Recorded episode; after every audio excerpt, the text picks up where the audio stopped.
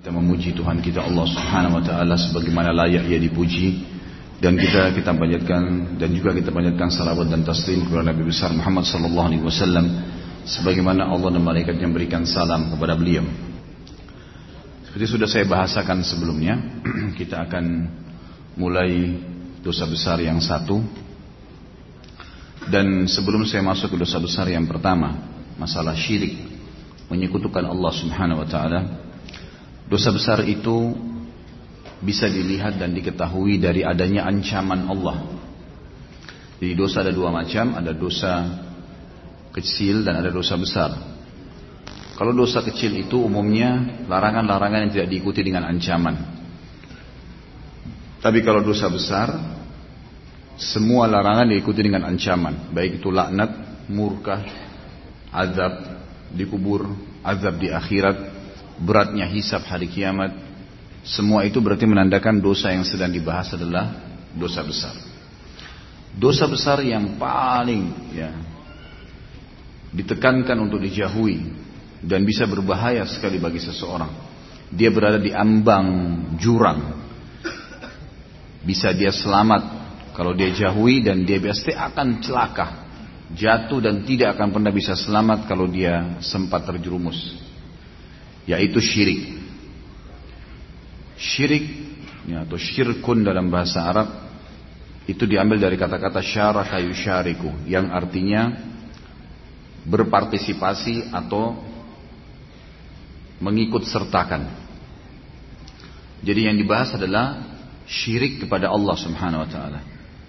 Artinya orang menyekutukan, memarnerkan, mempartisipasikan makhluk bersama dengan Allah Subhanahu wa taala. Allah kita tahu Tuhan kita, nggak ada Tuhan selain Dia. La ilaha illallah yang menciptakan yang di langit, di bumi, di kedalaman lautan, kelihatan tidak kelihatan, tidak ada kecuali Allah Subhanahu wa taala. Ini konsep dasar. La ilaha illallah. Dan Allah Azza wa Jalla ini tidak mau disekutukan. Tidak mau ada partnernya. Memang Dia Esa. Konsep dasarnya surah Al-Ikhlas. A'udzu billahi minasyaitonir rajim. Bismillahirrahmanirrahim. Kul huwallahu ahad. Ikrarkan. Sampaikan hai Muhammad, tanamkan di dalam hati umatmu. Allah itu ahad. Allah itu esa. Tidak ada ya, yang membantunya, tidak ada orang tuanya, tidak ada keturunannya. Allahus samad. Allah itu segala sesuatu bergantung padanya. Apa saja. Coba teman-teman renungin apa yang diseru selain Allah di muka bumi. Pohon keramatkah? Gunungkah? Apalah ya, lautan, jin, malaikat, semua selain daripada Allah Subhanahu wa taala. Mereka pasti tunduk dengan Allah karena ada fenomena-fenomena yang telah Allah ciptakan di alam semesta ini, semua harus ikutin nggak bisa nggak. Seperti misalnya pergantian siang malam. Pasti mereka ikutin, tidak bisa tidak. Adakah yang bisa menahan malam? Adakah yang bisa menahan siang? Turunnya hujan.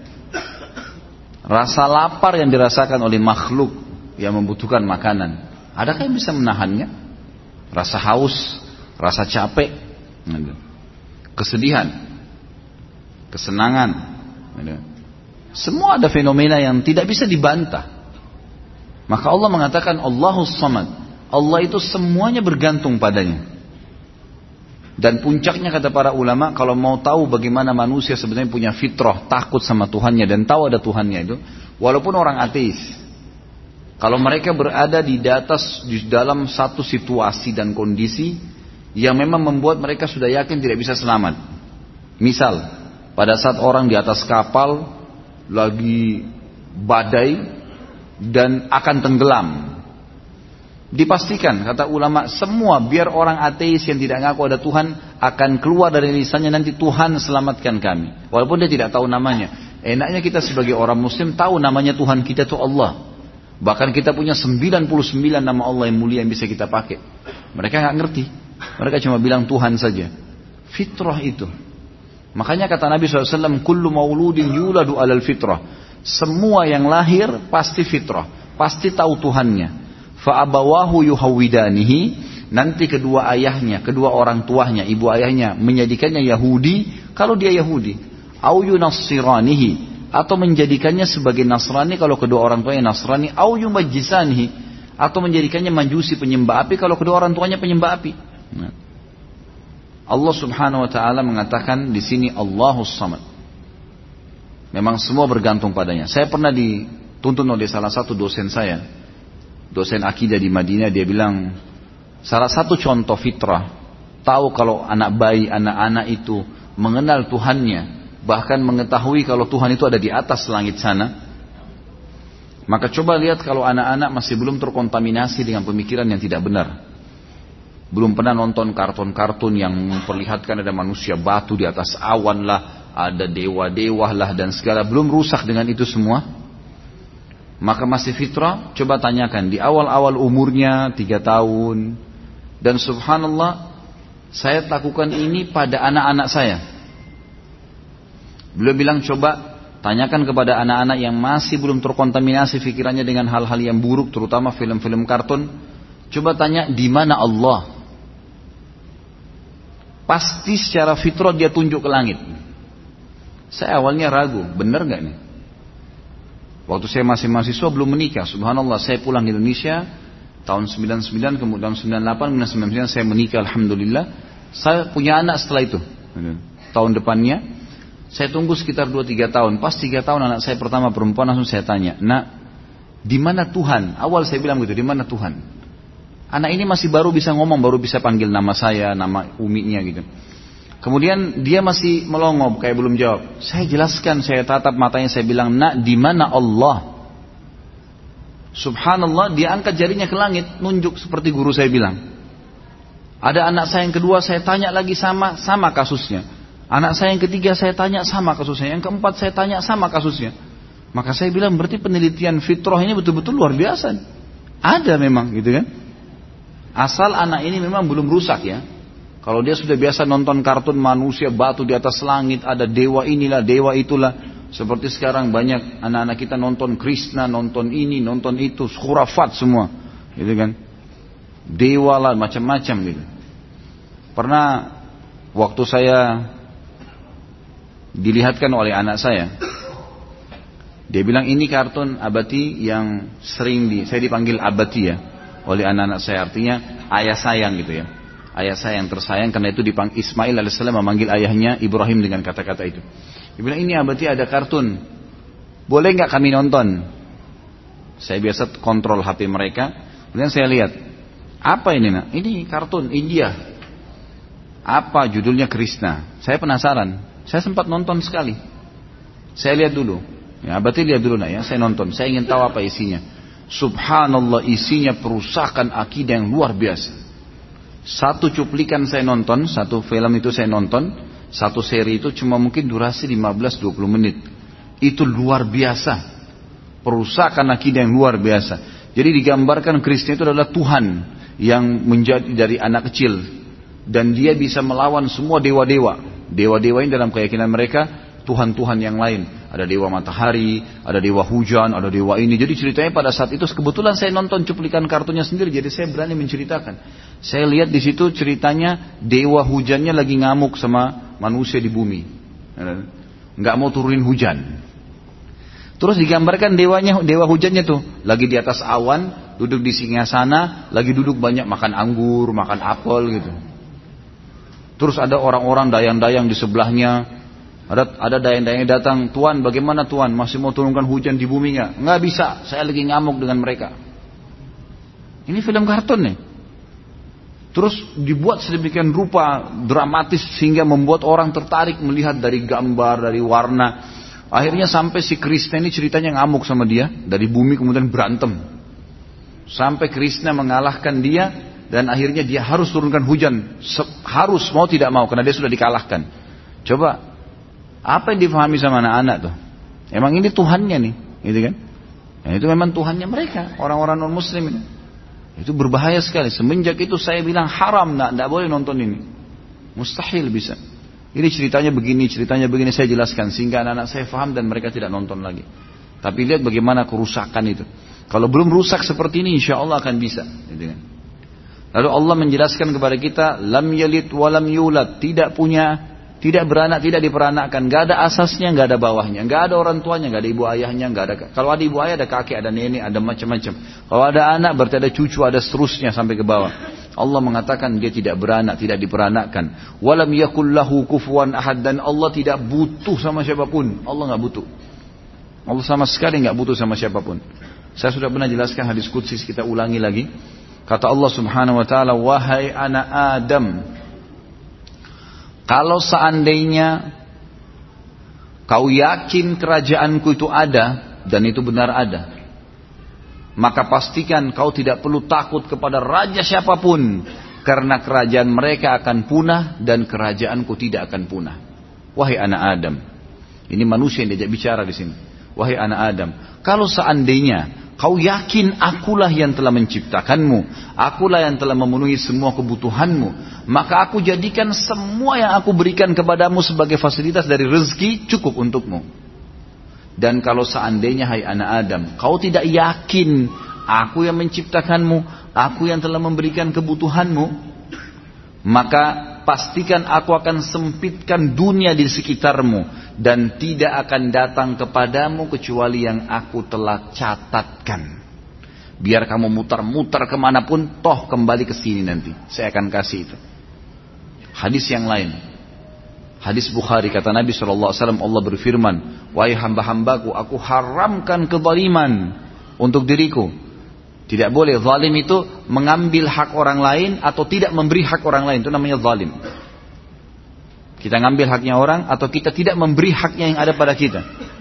Ada pegawai nggak dikasih gaji. Atau kita mengambil hak warisnya ahli waris yang lain.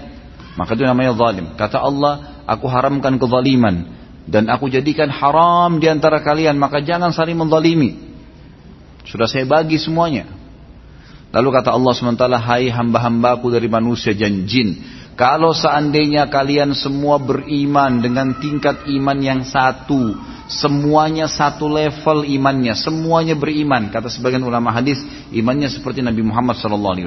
Iman tertinggi. Semuanya sama, jin dan manusia miliaran tidak akan mengurangi dan menambah. Tidak kurang, tidak tambah. Sedikit pun dari kerajaan dan kekuasaanku. Wahai hamba-hambaku manusia dan jin. Kalau kalian semuanya kufur, kafir kepadaku. Kata para ulama, semua jin dan manusia ini seperti kafirnya Fir'aun. Semua mengaku Tuhan. Tidak akan mengurangi dan menambah ya, sedikit pun dari kerajaan dan kekuasaanku. Wahai hamba-hambaku manusia dan jin. Kalau seandainya kalian semua berkumpul di sebuah lembah. Lalu kemudian kalian minta semua apa yang kalian inginkan yang paling tinggi yang kalian angan-angani dan saya berikan semua jin, semua manusia yang dia mereka inginkan tidak akan mengurangi sedikit pun dari kekuasaan dan kerajaanku kecuali seperti jarum yang dicelupkan di, di, di lautan lalu diangkat. Allah Azza wa memperkenalkan dirinya. Allah itu Tuhan yang maha semuanya. Maha perkasa, maha hidup, maha melihat, maha mengetahui. Semuanya tidak ada terkecuali. Dan banyak sekali ayat yang membahas masalah ini. Tentu saya ada bahasan khusus judulnya Kenalilah Tuhanmu kau akan bahagia bisa dinonton di YouTube. Dua jam lebih saya bicara ayat-ayat tentang bagaimana bukti Allah Subhanahu Wa Taala itu ada.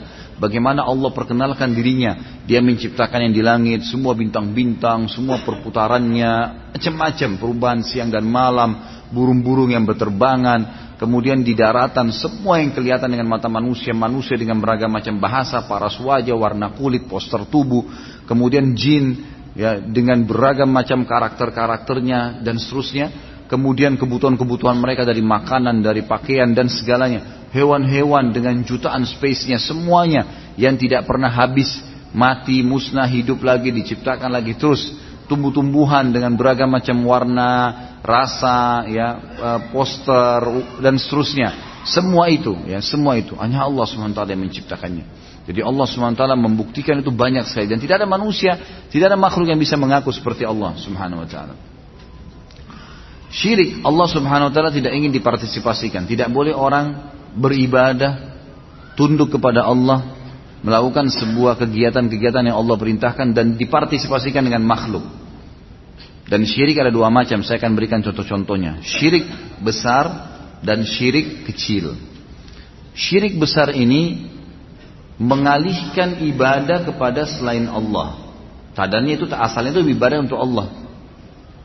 Seperti misalnya menyembelih kepada selain Allah. Menyembelih asalnya adalah ibadah kalau disembelih untuk Allah. Tapi dialihkan untuk kuburan tertentu, untuk pohon tertentu, sesajen, untuk selain Allah namanya syirik besar. Gitu kan? Mengalihkan ibadah itu kepada selain Allah subhanahu wa ta'ala. Itu syirik besar.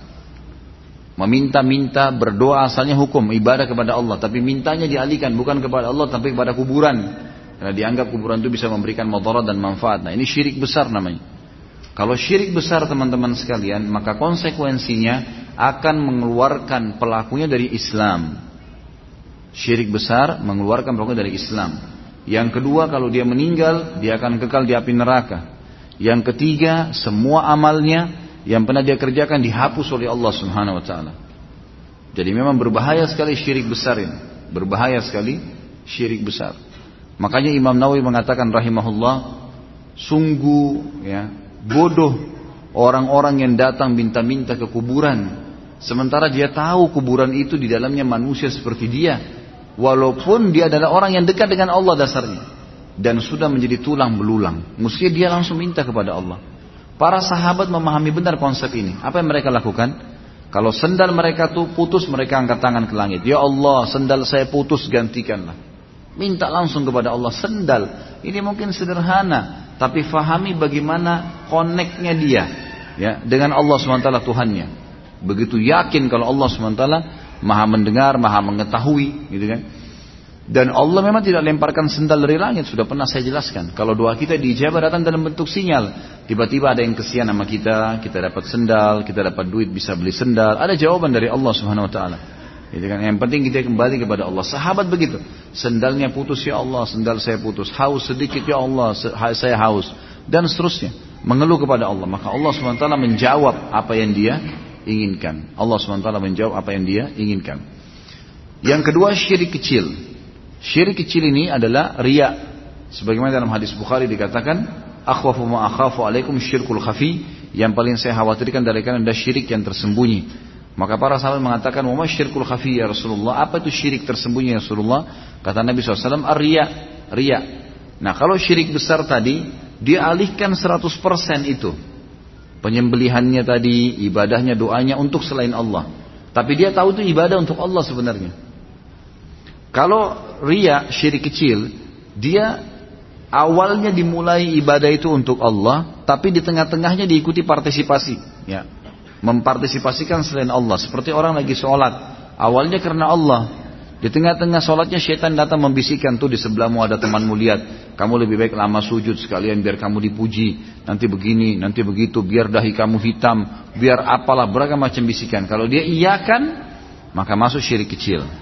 Nah kalau syirik kecil terjadi, asalnya ibadah dia sudah niatkan untuk Allah, tapi di tengah jalan ada gangguan dari syaitan dan dia iyakan, nah, Berarti dia partisipasikan syaitan uh, godaan syaitan di tengah-tengah ibadahnya. Awalnya untuk Allah tadi. Kalau syirik besar memang dari awal bukan untuk Allah. Tapi asalnya ibadah itu untuk Allah. Seperti tadi menyembeli memang untuk Allah, berdoa untuk hanya kepada Allah tapi dia alihkan. Kalau ada orang ibadah dipastikan semua ibadahnya akan ada riaknya. Syaitan berusaha untuk membuat riak karena riak adalah senjata pamungkasnya syaitan. Begitu riak sedikit, kata Nabi SAW, al-yasiru minar riak syirkun. Sedikit saja riak sudah syirik, batal tuh ibadahnya. Kalau orang itu tidak berhasil riak, maka dialihkan untuk mengurangi minimal pahala-pahala yang didapatkan. Syirik kecil ini tidak membuat pelakunya keluar dari Islam. Tetap dia muslim. Syirik kecil, kalau orang itu meninggal tidak kekal di api neraka. Dia bisa keluar nantinya. Setelah dosanya bersih. Dan yang ketiga, Syirik kecil tidak menghancurkan semua ibadah, tapi ibadah yang sedang dikerjakan saja. Jadi misalnya kalau dia lagi sholat, dia riak di sholatnya, sholat itu yang tidak diterima. Tapi nggak ada hubungan dengan sholat-sholat yang lainnya dia tidak riak. Tidak ada hubungannya dengan sodokah baca Qur'annya selama dia tidak ikutkan dengan riak itu. Kata Imam Az-Zahabi, syirik adalah anda menjadikan suatu tandingan atau sekutu bagi Allah. Padahal dialah yang menciptakan anda. Dan anda menyembeli selainnya untuk atau berupa batu atau pohon atau bulan atau nabi atau syekh atau jin atau bintang atau malaikat atau hal-hal semacamnya Allah Subhanahu wa taala berfirman tentang syirik besar ini surah An-Nisa ayat 48, A'udzu billahi minasyaitonir rajim. Innallaha la yaghfiru ayyushraka bihi wa yaghfiru ma duna dzalika liman yasha. Al-ayah. Sesungguhnya Allah tidak akan mengampuni dosa syirik kalau maksudnya dia meninggal sebelum taubat. Tapi kalau dia sempat taubat sebelum meninggal itu insya Allah diampuni oleh Allah. Karena seberat apa pun akan diampuni asal taubat. Kata Nabi SAW dalam hadis riwayat Imam Muslim, in, uh, uh, Inna taubata tajubbu ma qablaha. Semua taubat itu akan menghapusi semua kesalahan sebelumnya. Tapi kalau dia meninggal tidak sempat taubat maka masuk dalam ayat ini. Allah Subhanahu wa taala tidak akan mengampuni dia di hisab nanti. Artinya akan kekal di api neraka. Kemudian surah Al-Maidah ayat 72 juga berbunyi, A'udzubillahi minasyaitonirrajim, innahu may yusyrik billahi faqad harramallahu alaihi al-jannata wa ma'wahu an-nar. Al-ayah. Sesungguhnya orang yang mempersekutukan sesuatu dengan Allah maka pasti Allah mengharamkan surga atasnya dan tempatnya ialah neraka. Dari sini dari dua ayat inilah ulama mengatakan tadi syirik besar pertama mengeluarkan pelakunya dari Islam. Dia katakan dia musyrik keluar dari Islam. Karena ini terjadi pada orang-orang Mekah. Orang-orang Mekah yakin ada Tuhan namanya Allah tapi mereka masih menjadikan patung-patung sebagai sekutunya Allah. Kemudian yang kedua tadi dikatakan dia akan mengekalkan pelakunya di api neraka. Tadi Al-Maidah 72. Siapa yang musyrik kepada Allah dan meninggal dalam keadaan tersebut, Allah akan haramkan baginya surga dan akan masuk neraka. Serta akan hancur semua amalnya diambil dari firman Allah Subhanahu wa taala tadi An-Nisa 48. Allah tidak akan mengampuni dosa-dosa dan Allah akan selain syirik dan Allah mengampuni dosa selain daripada itu. Dalam surah Luqman ayat 13 disebutkan auzubillahi minasyaitonirrajim innasyirka la zulmun azim. Sesungguhnya mempersekutukan Allah atau syirik adalah benar-benar kezaliman yang besar. Makanya perbuatan syaitan yang paling pertama membuat kemusyrikan. Awal datangnya kemusyrikan adalah di zaman setelah meninggalnya Nuh alaihissalam. Di dalam hadis Bukhari disebutkan bahwasanya setelah generasi Nuh dan sahabat-sahabatnya mati semua, jadi kalau kita generasi tabiinnya, Datanglah syaitan, kata Nabi SAW menjelma jadi manusia, kemudian berkata kepada orang-orang pada saat itu. Tidakkah kalian merindukan Nuh dan sahabat-sahabatnya? Maka kata Nabi Nuh, kata mereka tentu saja. Kata Nabi Nuh eh, kata mereka, Nuh ya dan pengikut dan sahabat-sahabatnya, kalau kalian tidak buat patung mereka, maka kalian akan melupa nanti wajahnya. Anak-anak kalian sudah tidak kenal lagi buat patungnya, pajang di dekat tempat-tempat sholat kalian. Jangan disembah. Bukan untuk disembah, untuk dikenang. Awalnya begitu. Kalau kita sekarang untuk hiasan. Ya. Banyak orang taruh patung itu untuk hiasan misalnya. Maka mereka pun melakukannya. Sampai ada yang mengatakan, iya ya, sebelum kami lupa wajahnya Nuh dan pengikutnya. Oke, kita buat deh, dibuat. Dibiarin sama syaitan. Satu generasi habis. Tidak ada yang sembah berhala itu. Datang generasi setelahnya kata Nabi SAW hadis ini hadis riwayat Bukhari. Nabi bongkarin buat kita. Kata Nabi SAW setelah generasi ini habis bayangkan syaitan sabarnya dalam merusakkan manusia. Habis generasi tersebut datang generasi setelahnya. Ya, maka syaitan pun datang mengatakan dulu orang-orang tua kalian menjadikan patung-patung ini perantara dengan Allah. Bukan hanya sekedar dipajang. Minta melalui mereka karena mereka orang soleh Allah akan ijabah. Itu tahapannya. Mulailah banyak generasinya begitu. Wahai Nuh, jadilah perantara buat kami dengan Allah. Wahai fulan, wahai fulan, dipanggil-panggillah patung tersebut. Allah nggak ingin perantara ada di sini, apalagi benda mati. Beda kalau benda hidup, makhluk hidup. Tapi ini kalau enggak, kalau orang tua kita masih hidup, ada orang soleh hidup, kita bilang doakan terjadi dalam hadis Bukhari. Para sahabat ada yang berdoa datang kepada Nabi SAW minta didoakan. Abu Hurairah anhu pernah meminta agar ibunya didoakan oleh Nabi SAW. Itu terjadi. Ada sahabat-sahabat yang minta didoain anaknya baru lahir. Ada. Ada sahabat yang minta didoain agar penyakitnya sembuh. Sebagaimana wanita yang kena penyakit ayam minta disembuhkan, minta didoakan kepada, kepada Allah melalui Nabi SAW itu boleh. Tapi Nabi masih hidup. Setelah Nabi SAW meninggal tidak ada satupun riwayat menjelaskan para sahabat itu ada yang datang ke kuburan Nabi minta-minta. Nggak pernah. Ya. Mereka tahu benar itu. Mereka mengubur Nabi SAW ya sudah mereka meminta kepada Allah seperti apa ajaran diajarkan oleh Nabi SAW. Itu yang mereka lakukan. Maka akhirnya generasi ini pun ya mulai menjadikan patung-patung itu perantara dengan Allah. Setelah generasi ini habis, Datang generasi setelahnya lagi, mulailah syaitan masuk kepada inti poinnya, patung-patung ini adalah Tuhan-Tuhan kalian. Mereka yang telah menyelamatkan orang tua kalian, mereka yang telah memberikan kesuburan di tanaman-tanaman kalian, akhirnya mereka pun menyembah berhala-berhala itu. Ini awal kemusyrikan, gitu kan?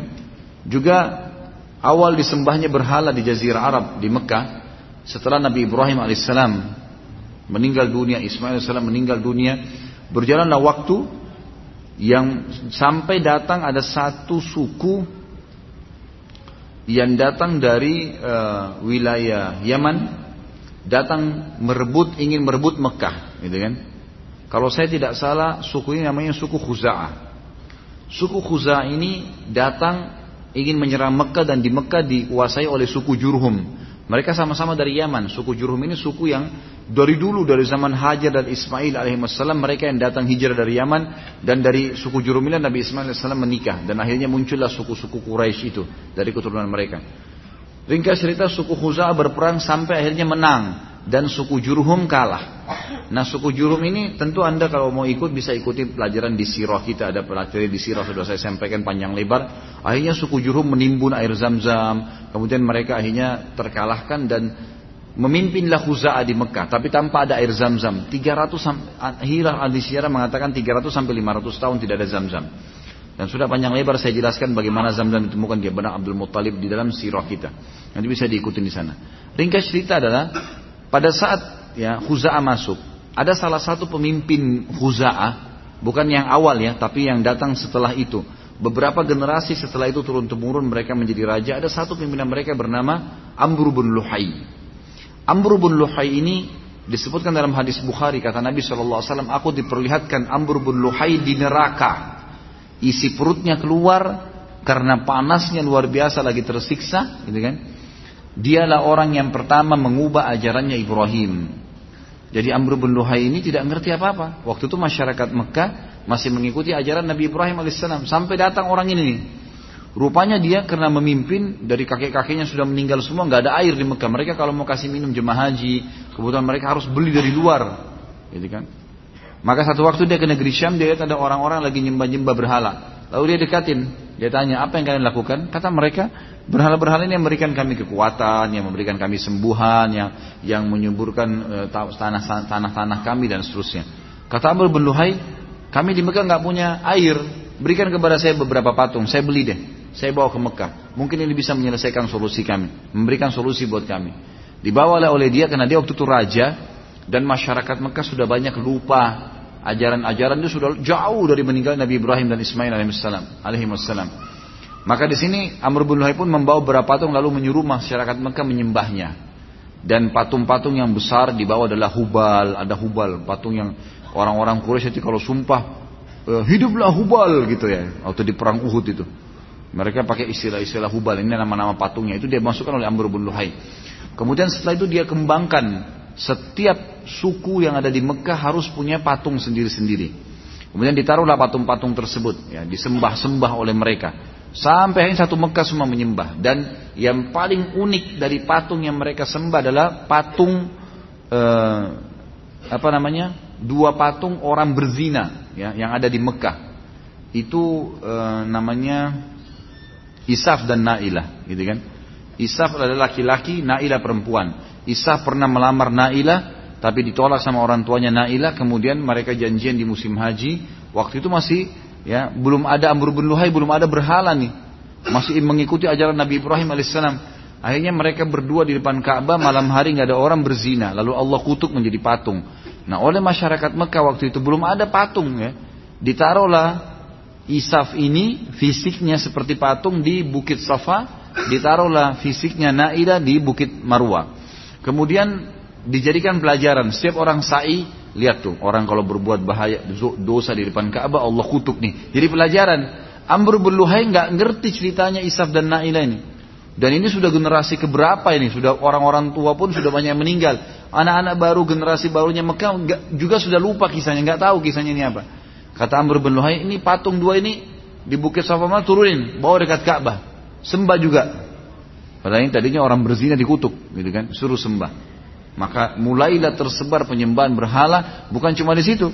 Amr bin Luhai karena menyebarkan ini di Mekah dan orang setiap tahun masih datang haji, gitu kan? Masih ada ajaran Ibrahim dipertahankan haji, maka akhirnya orang-orang yang datang haji pun yang tidak mengerti beli juga berhala dari Mekah, ikut-ikutan bawa patung ke Jazirah Arab ke rumah-rumah mereka. Akhirnya seluruh Jazirah Arab menyembah berhala. Kata Nabi SAW, saya diperlihatkan Amr bin Luhai isi perutnya keluar, gitu kan? Karena panasnya api neraka, dia yang pertama mengubah ajaran Ibrahim alaihissalam. Subhanallah, perbuatan syirik ini teman-teman sekalian ujung-ujungnya mayoritasnya itu karena duit, masalah duit duniawi saja. Kita lihat kuburan-kuburan yang disembah, yang didatang-datangin, urusannya duit. Hanya orang yang tidak takut kepada Allah, kemudian dia mau menyesatkan manusia, minta duit. Saya pernah waktu tahun 89, masih SMP, saya belum mengerti apa-apa sebenarnya. Itu tuh masih SMP, saya pernah, e, artinya masih kanak-kanak sekali. Saya waktu itu masih kelas 3 SMP. Dikirim ke Mesir oleh ayah saya. Ada paman saya kebetulan di sana sebelum saya ke Madinah. Satu tahun lebih lah saya di sana waktu itu. Kemudian saya diajak oleh kakak-kakak kelas yang sudah kuliah gitu. Untuk keliling-keliling Kairo lihat-lihat. Sempat kami datangi salah satu yang didatangi selain piramida, datangin juga masjidnya Imam Syafi'i. Gitu. Ini masjidnya Imam Syafi'i. Kami datang jauh naik bus. Saya juga sudah nggak ingat di mana lokasinya. Yang jelas pada saat itu tiba di masjid tersebut ternyata masjid itu memang masjid tua dan besar dan ada di kuburan Imam Syafi'i di sebelah masjid tapi sekarang sudah digabung dan dibuat bangunan jadi gabung gitu. Saya masih ingat benar tuh saya pas diajak ziarah kuburannya. Ini kakak kelas sempat bisikin saya, di sini kita berikan salam aja, gitu kan. Jangan ikutin nih orang-orang penjaga kuburan, biasanya minta-minta duit. Nanti minta, ayo saya bantu doain, mau minta doa apa? Gitu. Jadi mau minta doa apa supaya jodohnya mudah lah, supaya rezekinya apalah. Oke, dan semua ada tarifnya tuh. Ya. Jadi kalau minta ini ada tarifnya ini, minta ini ada tarifnya itu luar biasa. Di kuburan, minta kepada Imam Syafi'i. Ya, itu terjadi, saya saksikan dengan mata kepala saya sendiri. Subhanallah itu dibisikin saya dalam bahasa Mesir dalam dialek Mesir waktu itu. Kamu saya doakan minta sesuatu sama imam. Saya bilang enggak, terima kasih. Nah. Saya sudah tahu kakak kelas tadi saya ini sudah bilang gitu kan. Ya, maksud saya ini senior kami yang lebih dulu datang. Jadi kami cuma datang, tapi itu fenomena yang saya lihat. Dosen setelah saya pergi ke Madinah ada satu dosen saya di tingkat tiga kuliah Fakultas Dakwah waktu itu. Eh, Dr. Ah Fahad, semoga Allah jaga beliau. Beliau ini, masya Allah, mengajarkan materi yang sangat menarik, akidah dan suka berikan contoh-contoh yang hidup gitu, yang yang tepat. Dia cerita, dia bilang, salah satu fenomena yang menunjukkan memang Syirik ini tersebar selain permainan syaitan juga karena manusianya tamak terhadap urusan dunia. Terjadi di satu kota namanya Tanta. Tanta ini kurang lebih saya kalau tidak salah ya sekitar 200 km dari kota Kairo di Mesir. Di sana itu ada satu orang namanya Badawi. Badawi ini sebenarnya tokoh masyarakat tapi bukan orang yang punya bukan juga syekh, bukan juga seorang alim ulama yang besar gitu. Tokoh masyarakat. Waktu dia meninggal, gitu kan, ada satu masyarakat di situ yang mewakafkan tanah untuk kuburannya dia. Diwakafin lah di tengah-tengah perkebunan. Biasa saja orang dikubur, oh seperti jenazah umumnya orang masih tidak buat apa-apa. Berjalan waktu ternyata pemilik e, anak turunan pemilik kebun itu sudah mewarisi kebun itu. Maka mereka menjuallah kebun-kebun itu. Sampai akhirnya kuburan ini yang tadinya ada di dalam kebun sudah ada di pinggir jalan di pinggir jalan. Dosen saya cerita dan ini kisahnya masyhur di Mesir. Dia bilang ada dua orang datang dari kota Kairo naik mobil kebetulan lewat di kota itu ban mobilnya pecah pas di dekat kuburan itu. Yang satu lagi perbaikin ban, yang satu ini licik. Dia lihat ke seberang jalan ada kuburan, kuburannya si Badawi itu. Kuburan biasa, orang-orang rupanya pada saat dia lihat 10 menit itu orang udah lalang, setiap orang lewat berikan salam. Kuburan sunnah Nabi berikan salam kan. Dia berikan salam kuburan itu. Dia lihat kok banyak orang yang mampir nih, gitu kan. Dia iseng, di situ ada kaleng bekas berkarat, diambil sama dia, dia nyebrang ditaruh dekat kuburan. Terus dia nyebrang ke sebelah, dilihat sama dia dari jauh. 10 menit lagi kemudian gitu. Ternyata dari 10-20 orang yang lewat ada yang taruh duit. Ada yang masukin duit. Dia bilang sama temannya ini proyek besar nih. Temannya bilang apa? Sebentar, kita ke toko bangunan, beli keramik, beli pagar, wah dilekskan tuh kuburan, bongkar, buat kuburan yang bagus. Pasang macam-macam, pakai kelambu tulis kuburannya Syekh Badawi. Gak ada orang yang panggil Syekh orang ini sebenarnya, gitu kan? Syekh Badawi gitu. Taruh celengan. Lihat tiga hari kemudian ditaruh celengan. Dia ini ini upaya dia sendiri gitu. Taruh celengan. Ternyata hasilnya besar. Ada orang yang iseng, orang yang tidak ngerti mampir taruh duit. Banyak. Sekarang, sekarang di daerah Tonto terkenal, ya, itu sudah dibangun masjid bisa nampung data yang saya dapat terakhir itu dengan luasnya lokasi itu sekitar 100 ribu orang apa ya untuk bisa nampung 100 ribu orang e, lokasi itu luasnya kalau tidak salah masjidnya bisa nampung sekitar 1000 orang tapi kuburan di tengah-tengah masjid itu dan dibangunnya masjid untuk kuburan itu dan setiap hari sekarang itu dari uang celengan mereka mendapatkan sekitar satu juta jenih. Satu miliar rupiah lah. Dapat duit dari celengan. Untuk dipakai. Dia tidak peduli nih orang mau sesat mau nggak sesat yang penting duit gitu kan. Seperti itulah. Subhanallah saya keliling di beberapa di Indonesia juga tempat-tempat sama persis. Persis sama. Masalahnya ujung-ujungnya duit, saya ke Gresik, semoga Allah kasih hidayah gitu. Diundang ceramah. Bertepatan saya masuk ke masjid, ramai orang yang datang untuk dengerin ceramah. Tapi dari sisi lain, di dekat tempat itu rupanya ada satu kuburan. Saya tidak tahu kuburannya siapa. Tapi di situ banyak bus-bus gitu. Oh, macet. Gitu. Jadi macet di kuburan sana, macet juga di masjid yang kita isi taklim nih. Gitu.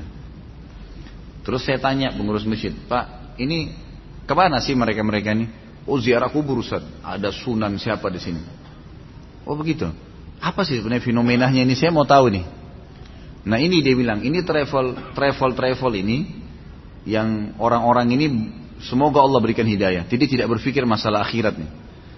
Jadi mereka datangin kiai-kiai kerjasama dengan beberapa kiai. Saya tidak tunjuk siapapunnya, tapi ini bahasa orang-orang situ sendiri.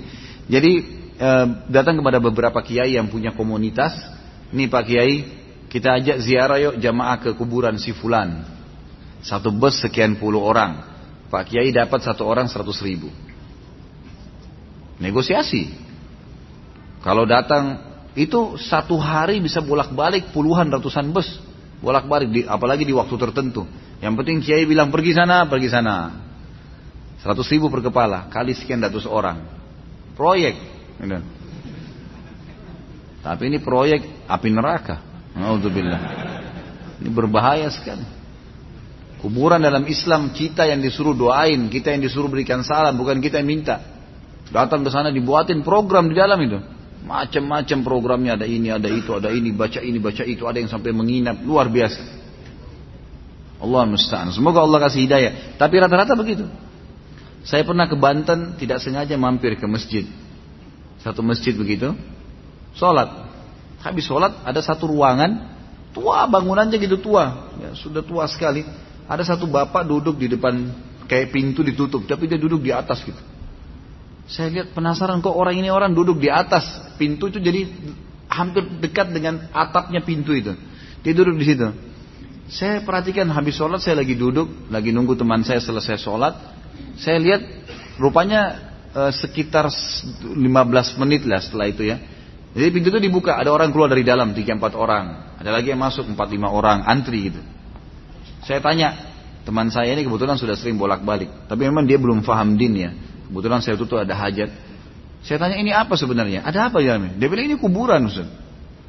Ini kuburan. Loh terus orang-orang masuk antri, antri minta-minta di situ. Loh ini yang duduk di depan kuburan apa? Ini yang yang tukang nampung duitnya masuk bayar, gitu kan? Bayar, sampaikan hajat bayar. Subhanallah, minta sama Allah nggak bayar pergi kuburan bayar, gimana? Hah? Langsung sama pemilik pencipta langit dan bumi, ya Allah berikan langsung dikasih, nggak pakai bayar, nggak pakai operator, nggak susah-susah gitu. Ini nggak pergi ke situ. Saya pernah lihat juga fenomena yang lain. Semoga Allah kasih hidayah. Ini banyak fenomena di Indonesia nih. Saya di kota Makassar pernah nyebrang ke satu pulau namanya Pulau Kayangan. Dipakai rekreasi biasanya. Saya pergi sana, nyebrang sekitar setengah jam mungkin naik speed kemudian naik kapal kemudian ke sana Saya putar-putar lah sama teman saya ada satu orang Mekah, Ali Rimi, dosen di UIN waktu itu saya jalan sama-sama. Mutar-mutar-mutar jalan-jalan sambil ngelihat waktu itu kebetulan sunyi hari kerja. Alhamdulillah nggak ada kemaksiatan, nggak ada acara apa-apa gitu. Tapi tidak sengaja saya kelilingin semua pulau itu, jalan kaki sama dia sambil ngobrol-ngobrol. Pas lewat di satu ada kuburan, subhanallah. Dibuatin kayak rumah dari kayu gitu, ada kelambunya dalam, ada tulisan. Saya baca sendiri tulisannya tuh. Ini kuburan syekh siapa gitu ditulis namanya. Siapa yang mau minta sesuatu hajat silahkan. Begitu tulisannya. Silahkan. Boleh minta itu. Ada kuburan. Ini kuburan orang alim. Dan itu ada penjaganya.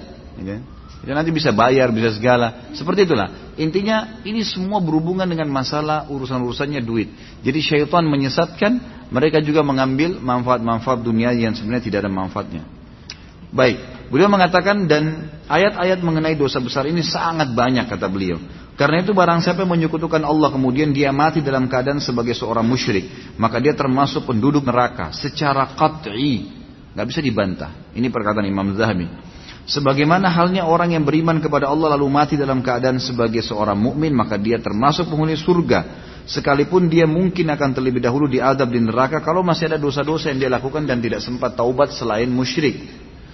Dan Nabi SAW pernah ditanya dalam sebuah hadis yang agung. Kata Nabi SAW, eh, hadis ini diriwayatkan oleh Imam Bukhari dalam kitab Syahadat.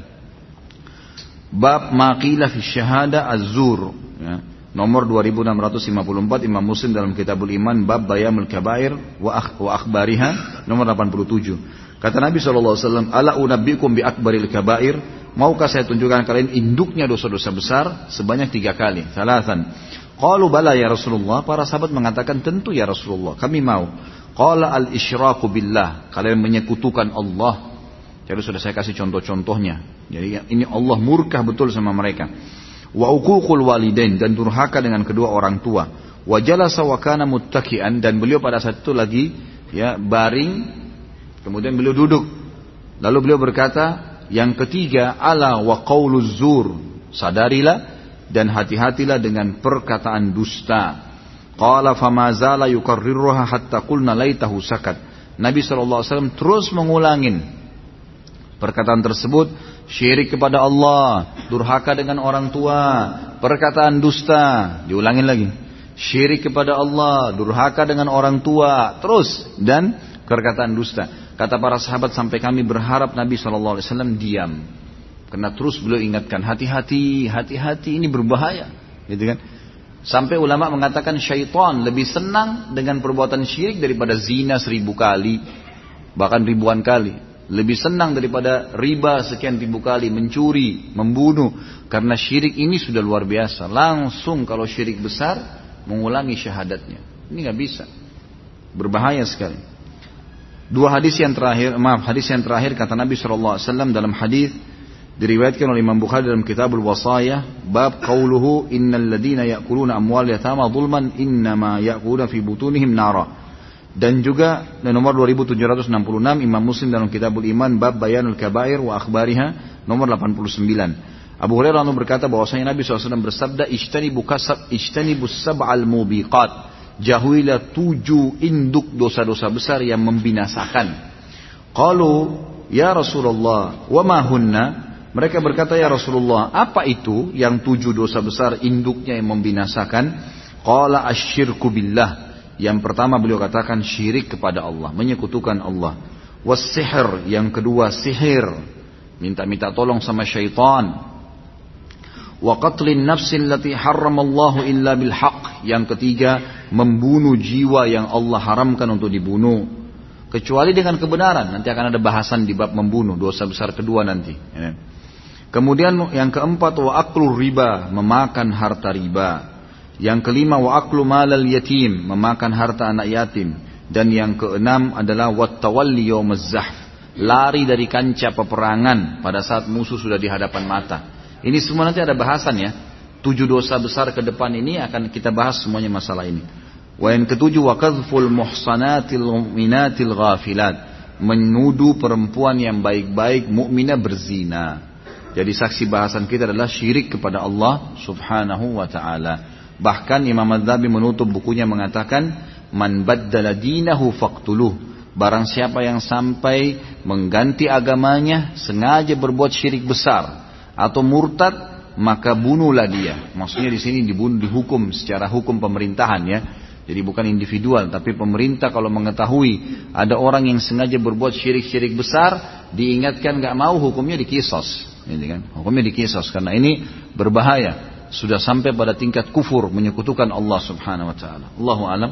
Seperti biasa insyaallah kita akan berhenti break dulu salat Isya dan Ba'diyah nanti baru kita buka pertanyaan. Subhanakallahumma bihamdika asyhadu an la ilaha illa anta astaghfiruka wa atubu ilaik. Wassalamualaikum warahmatullahi wabarakatuh.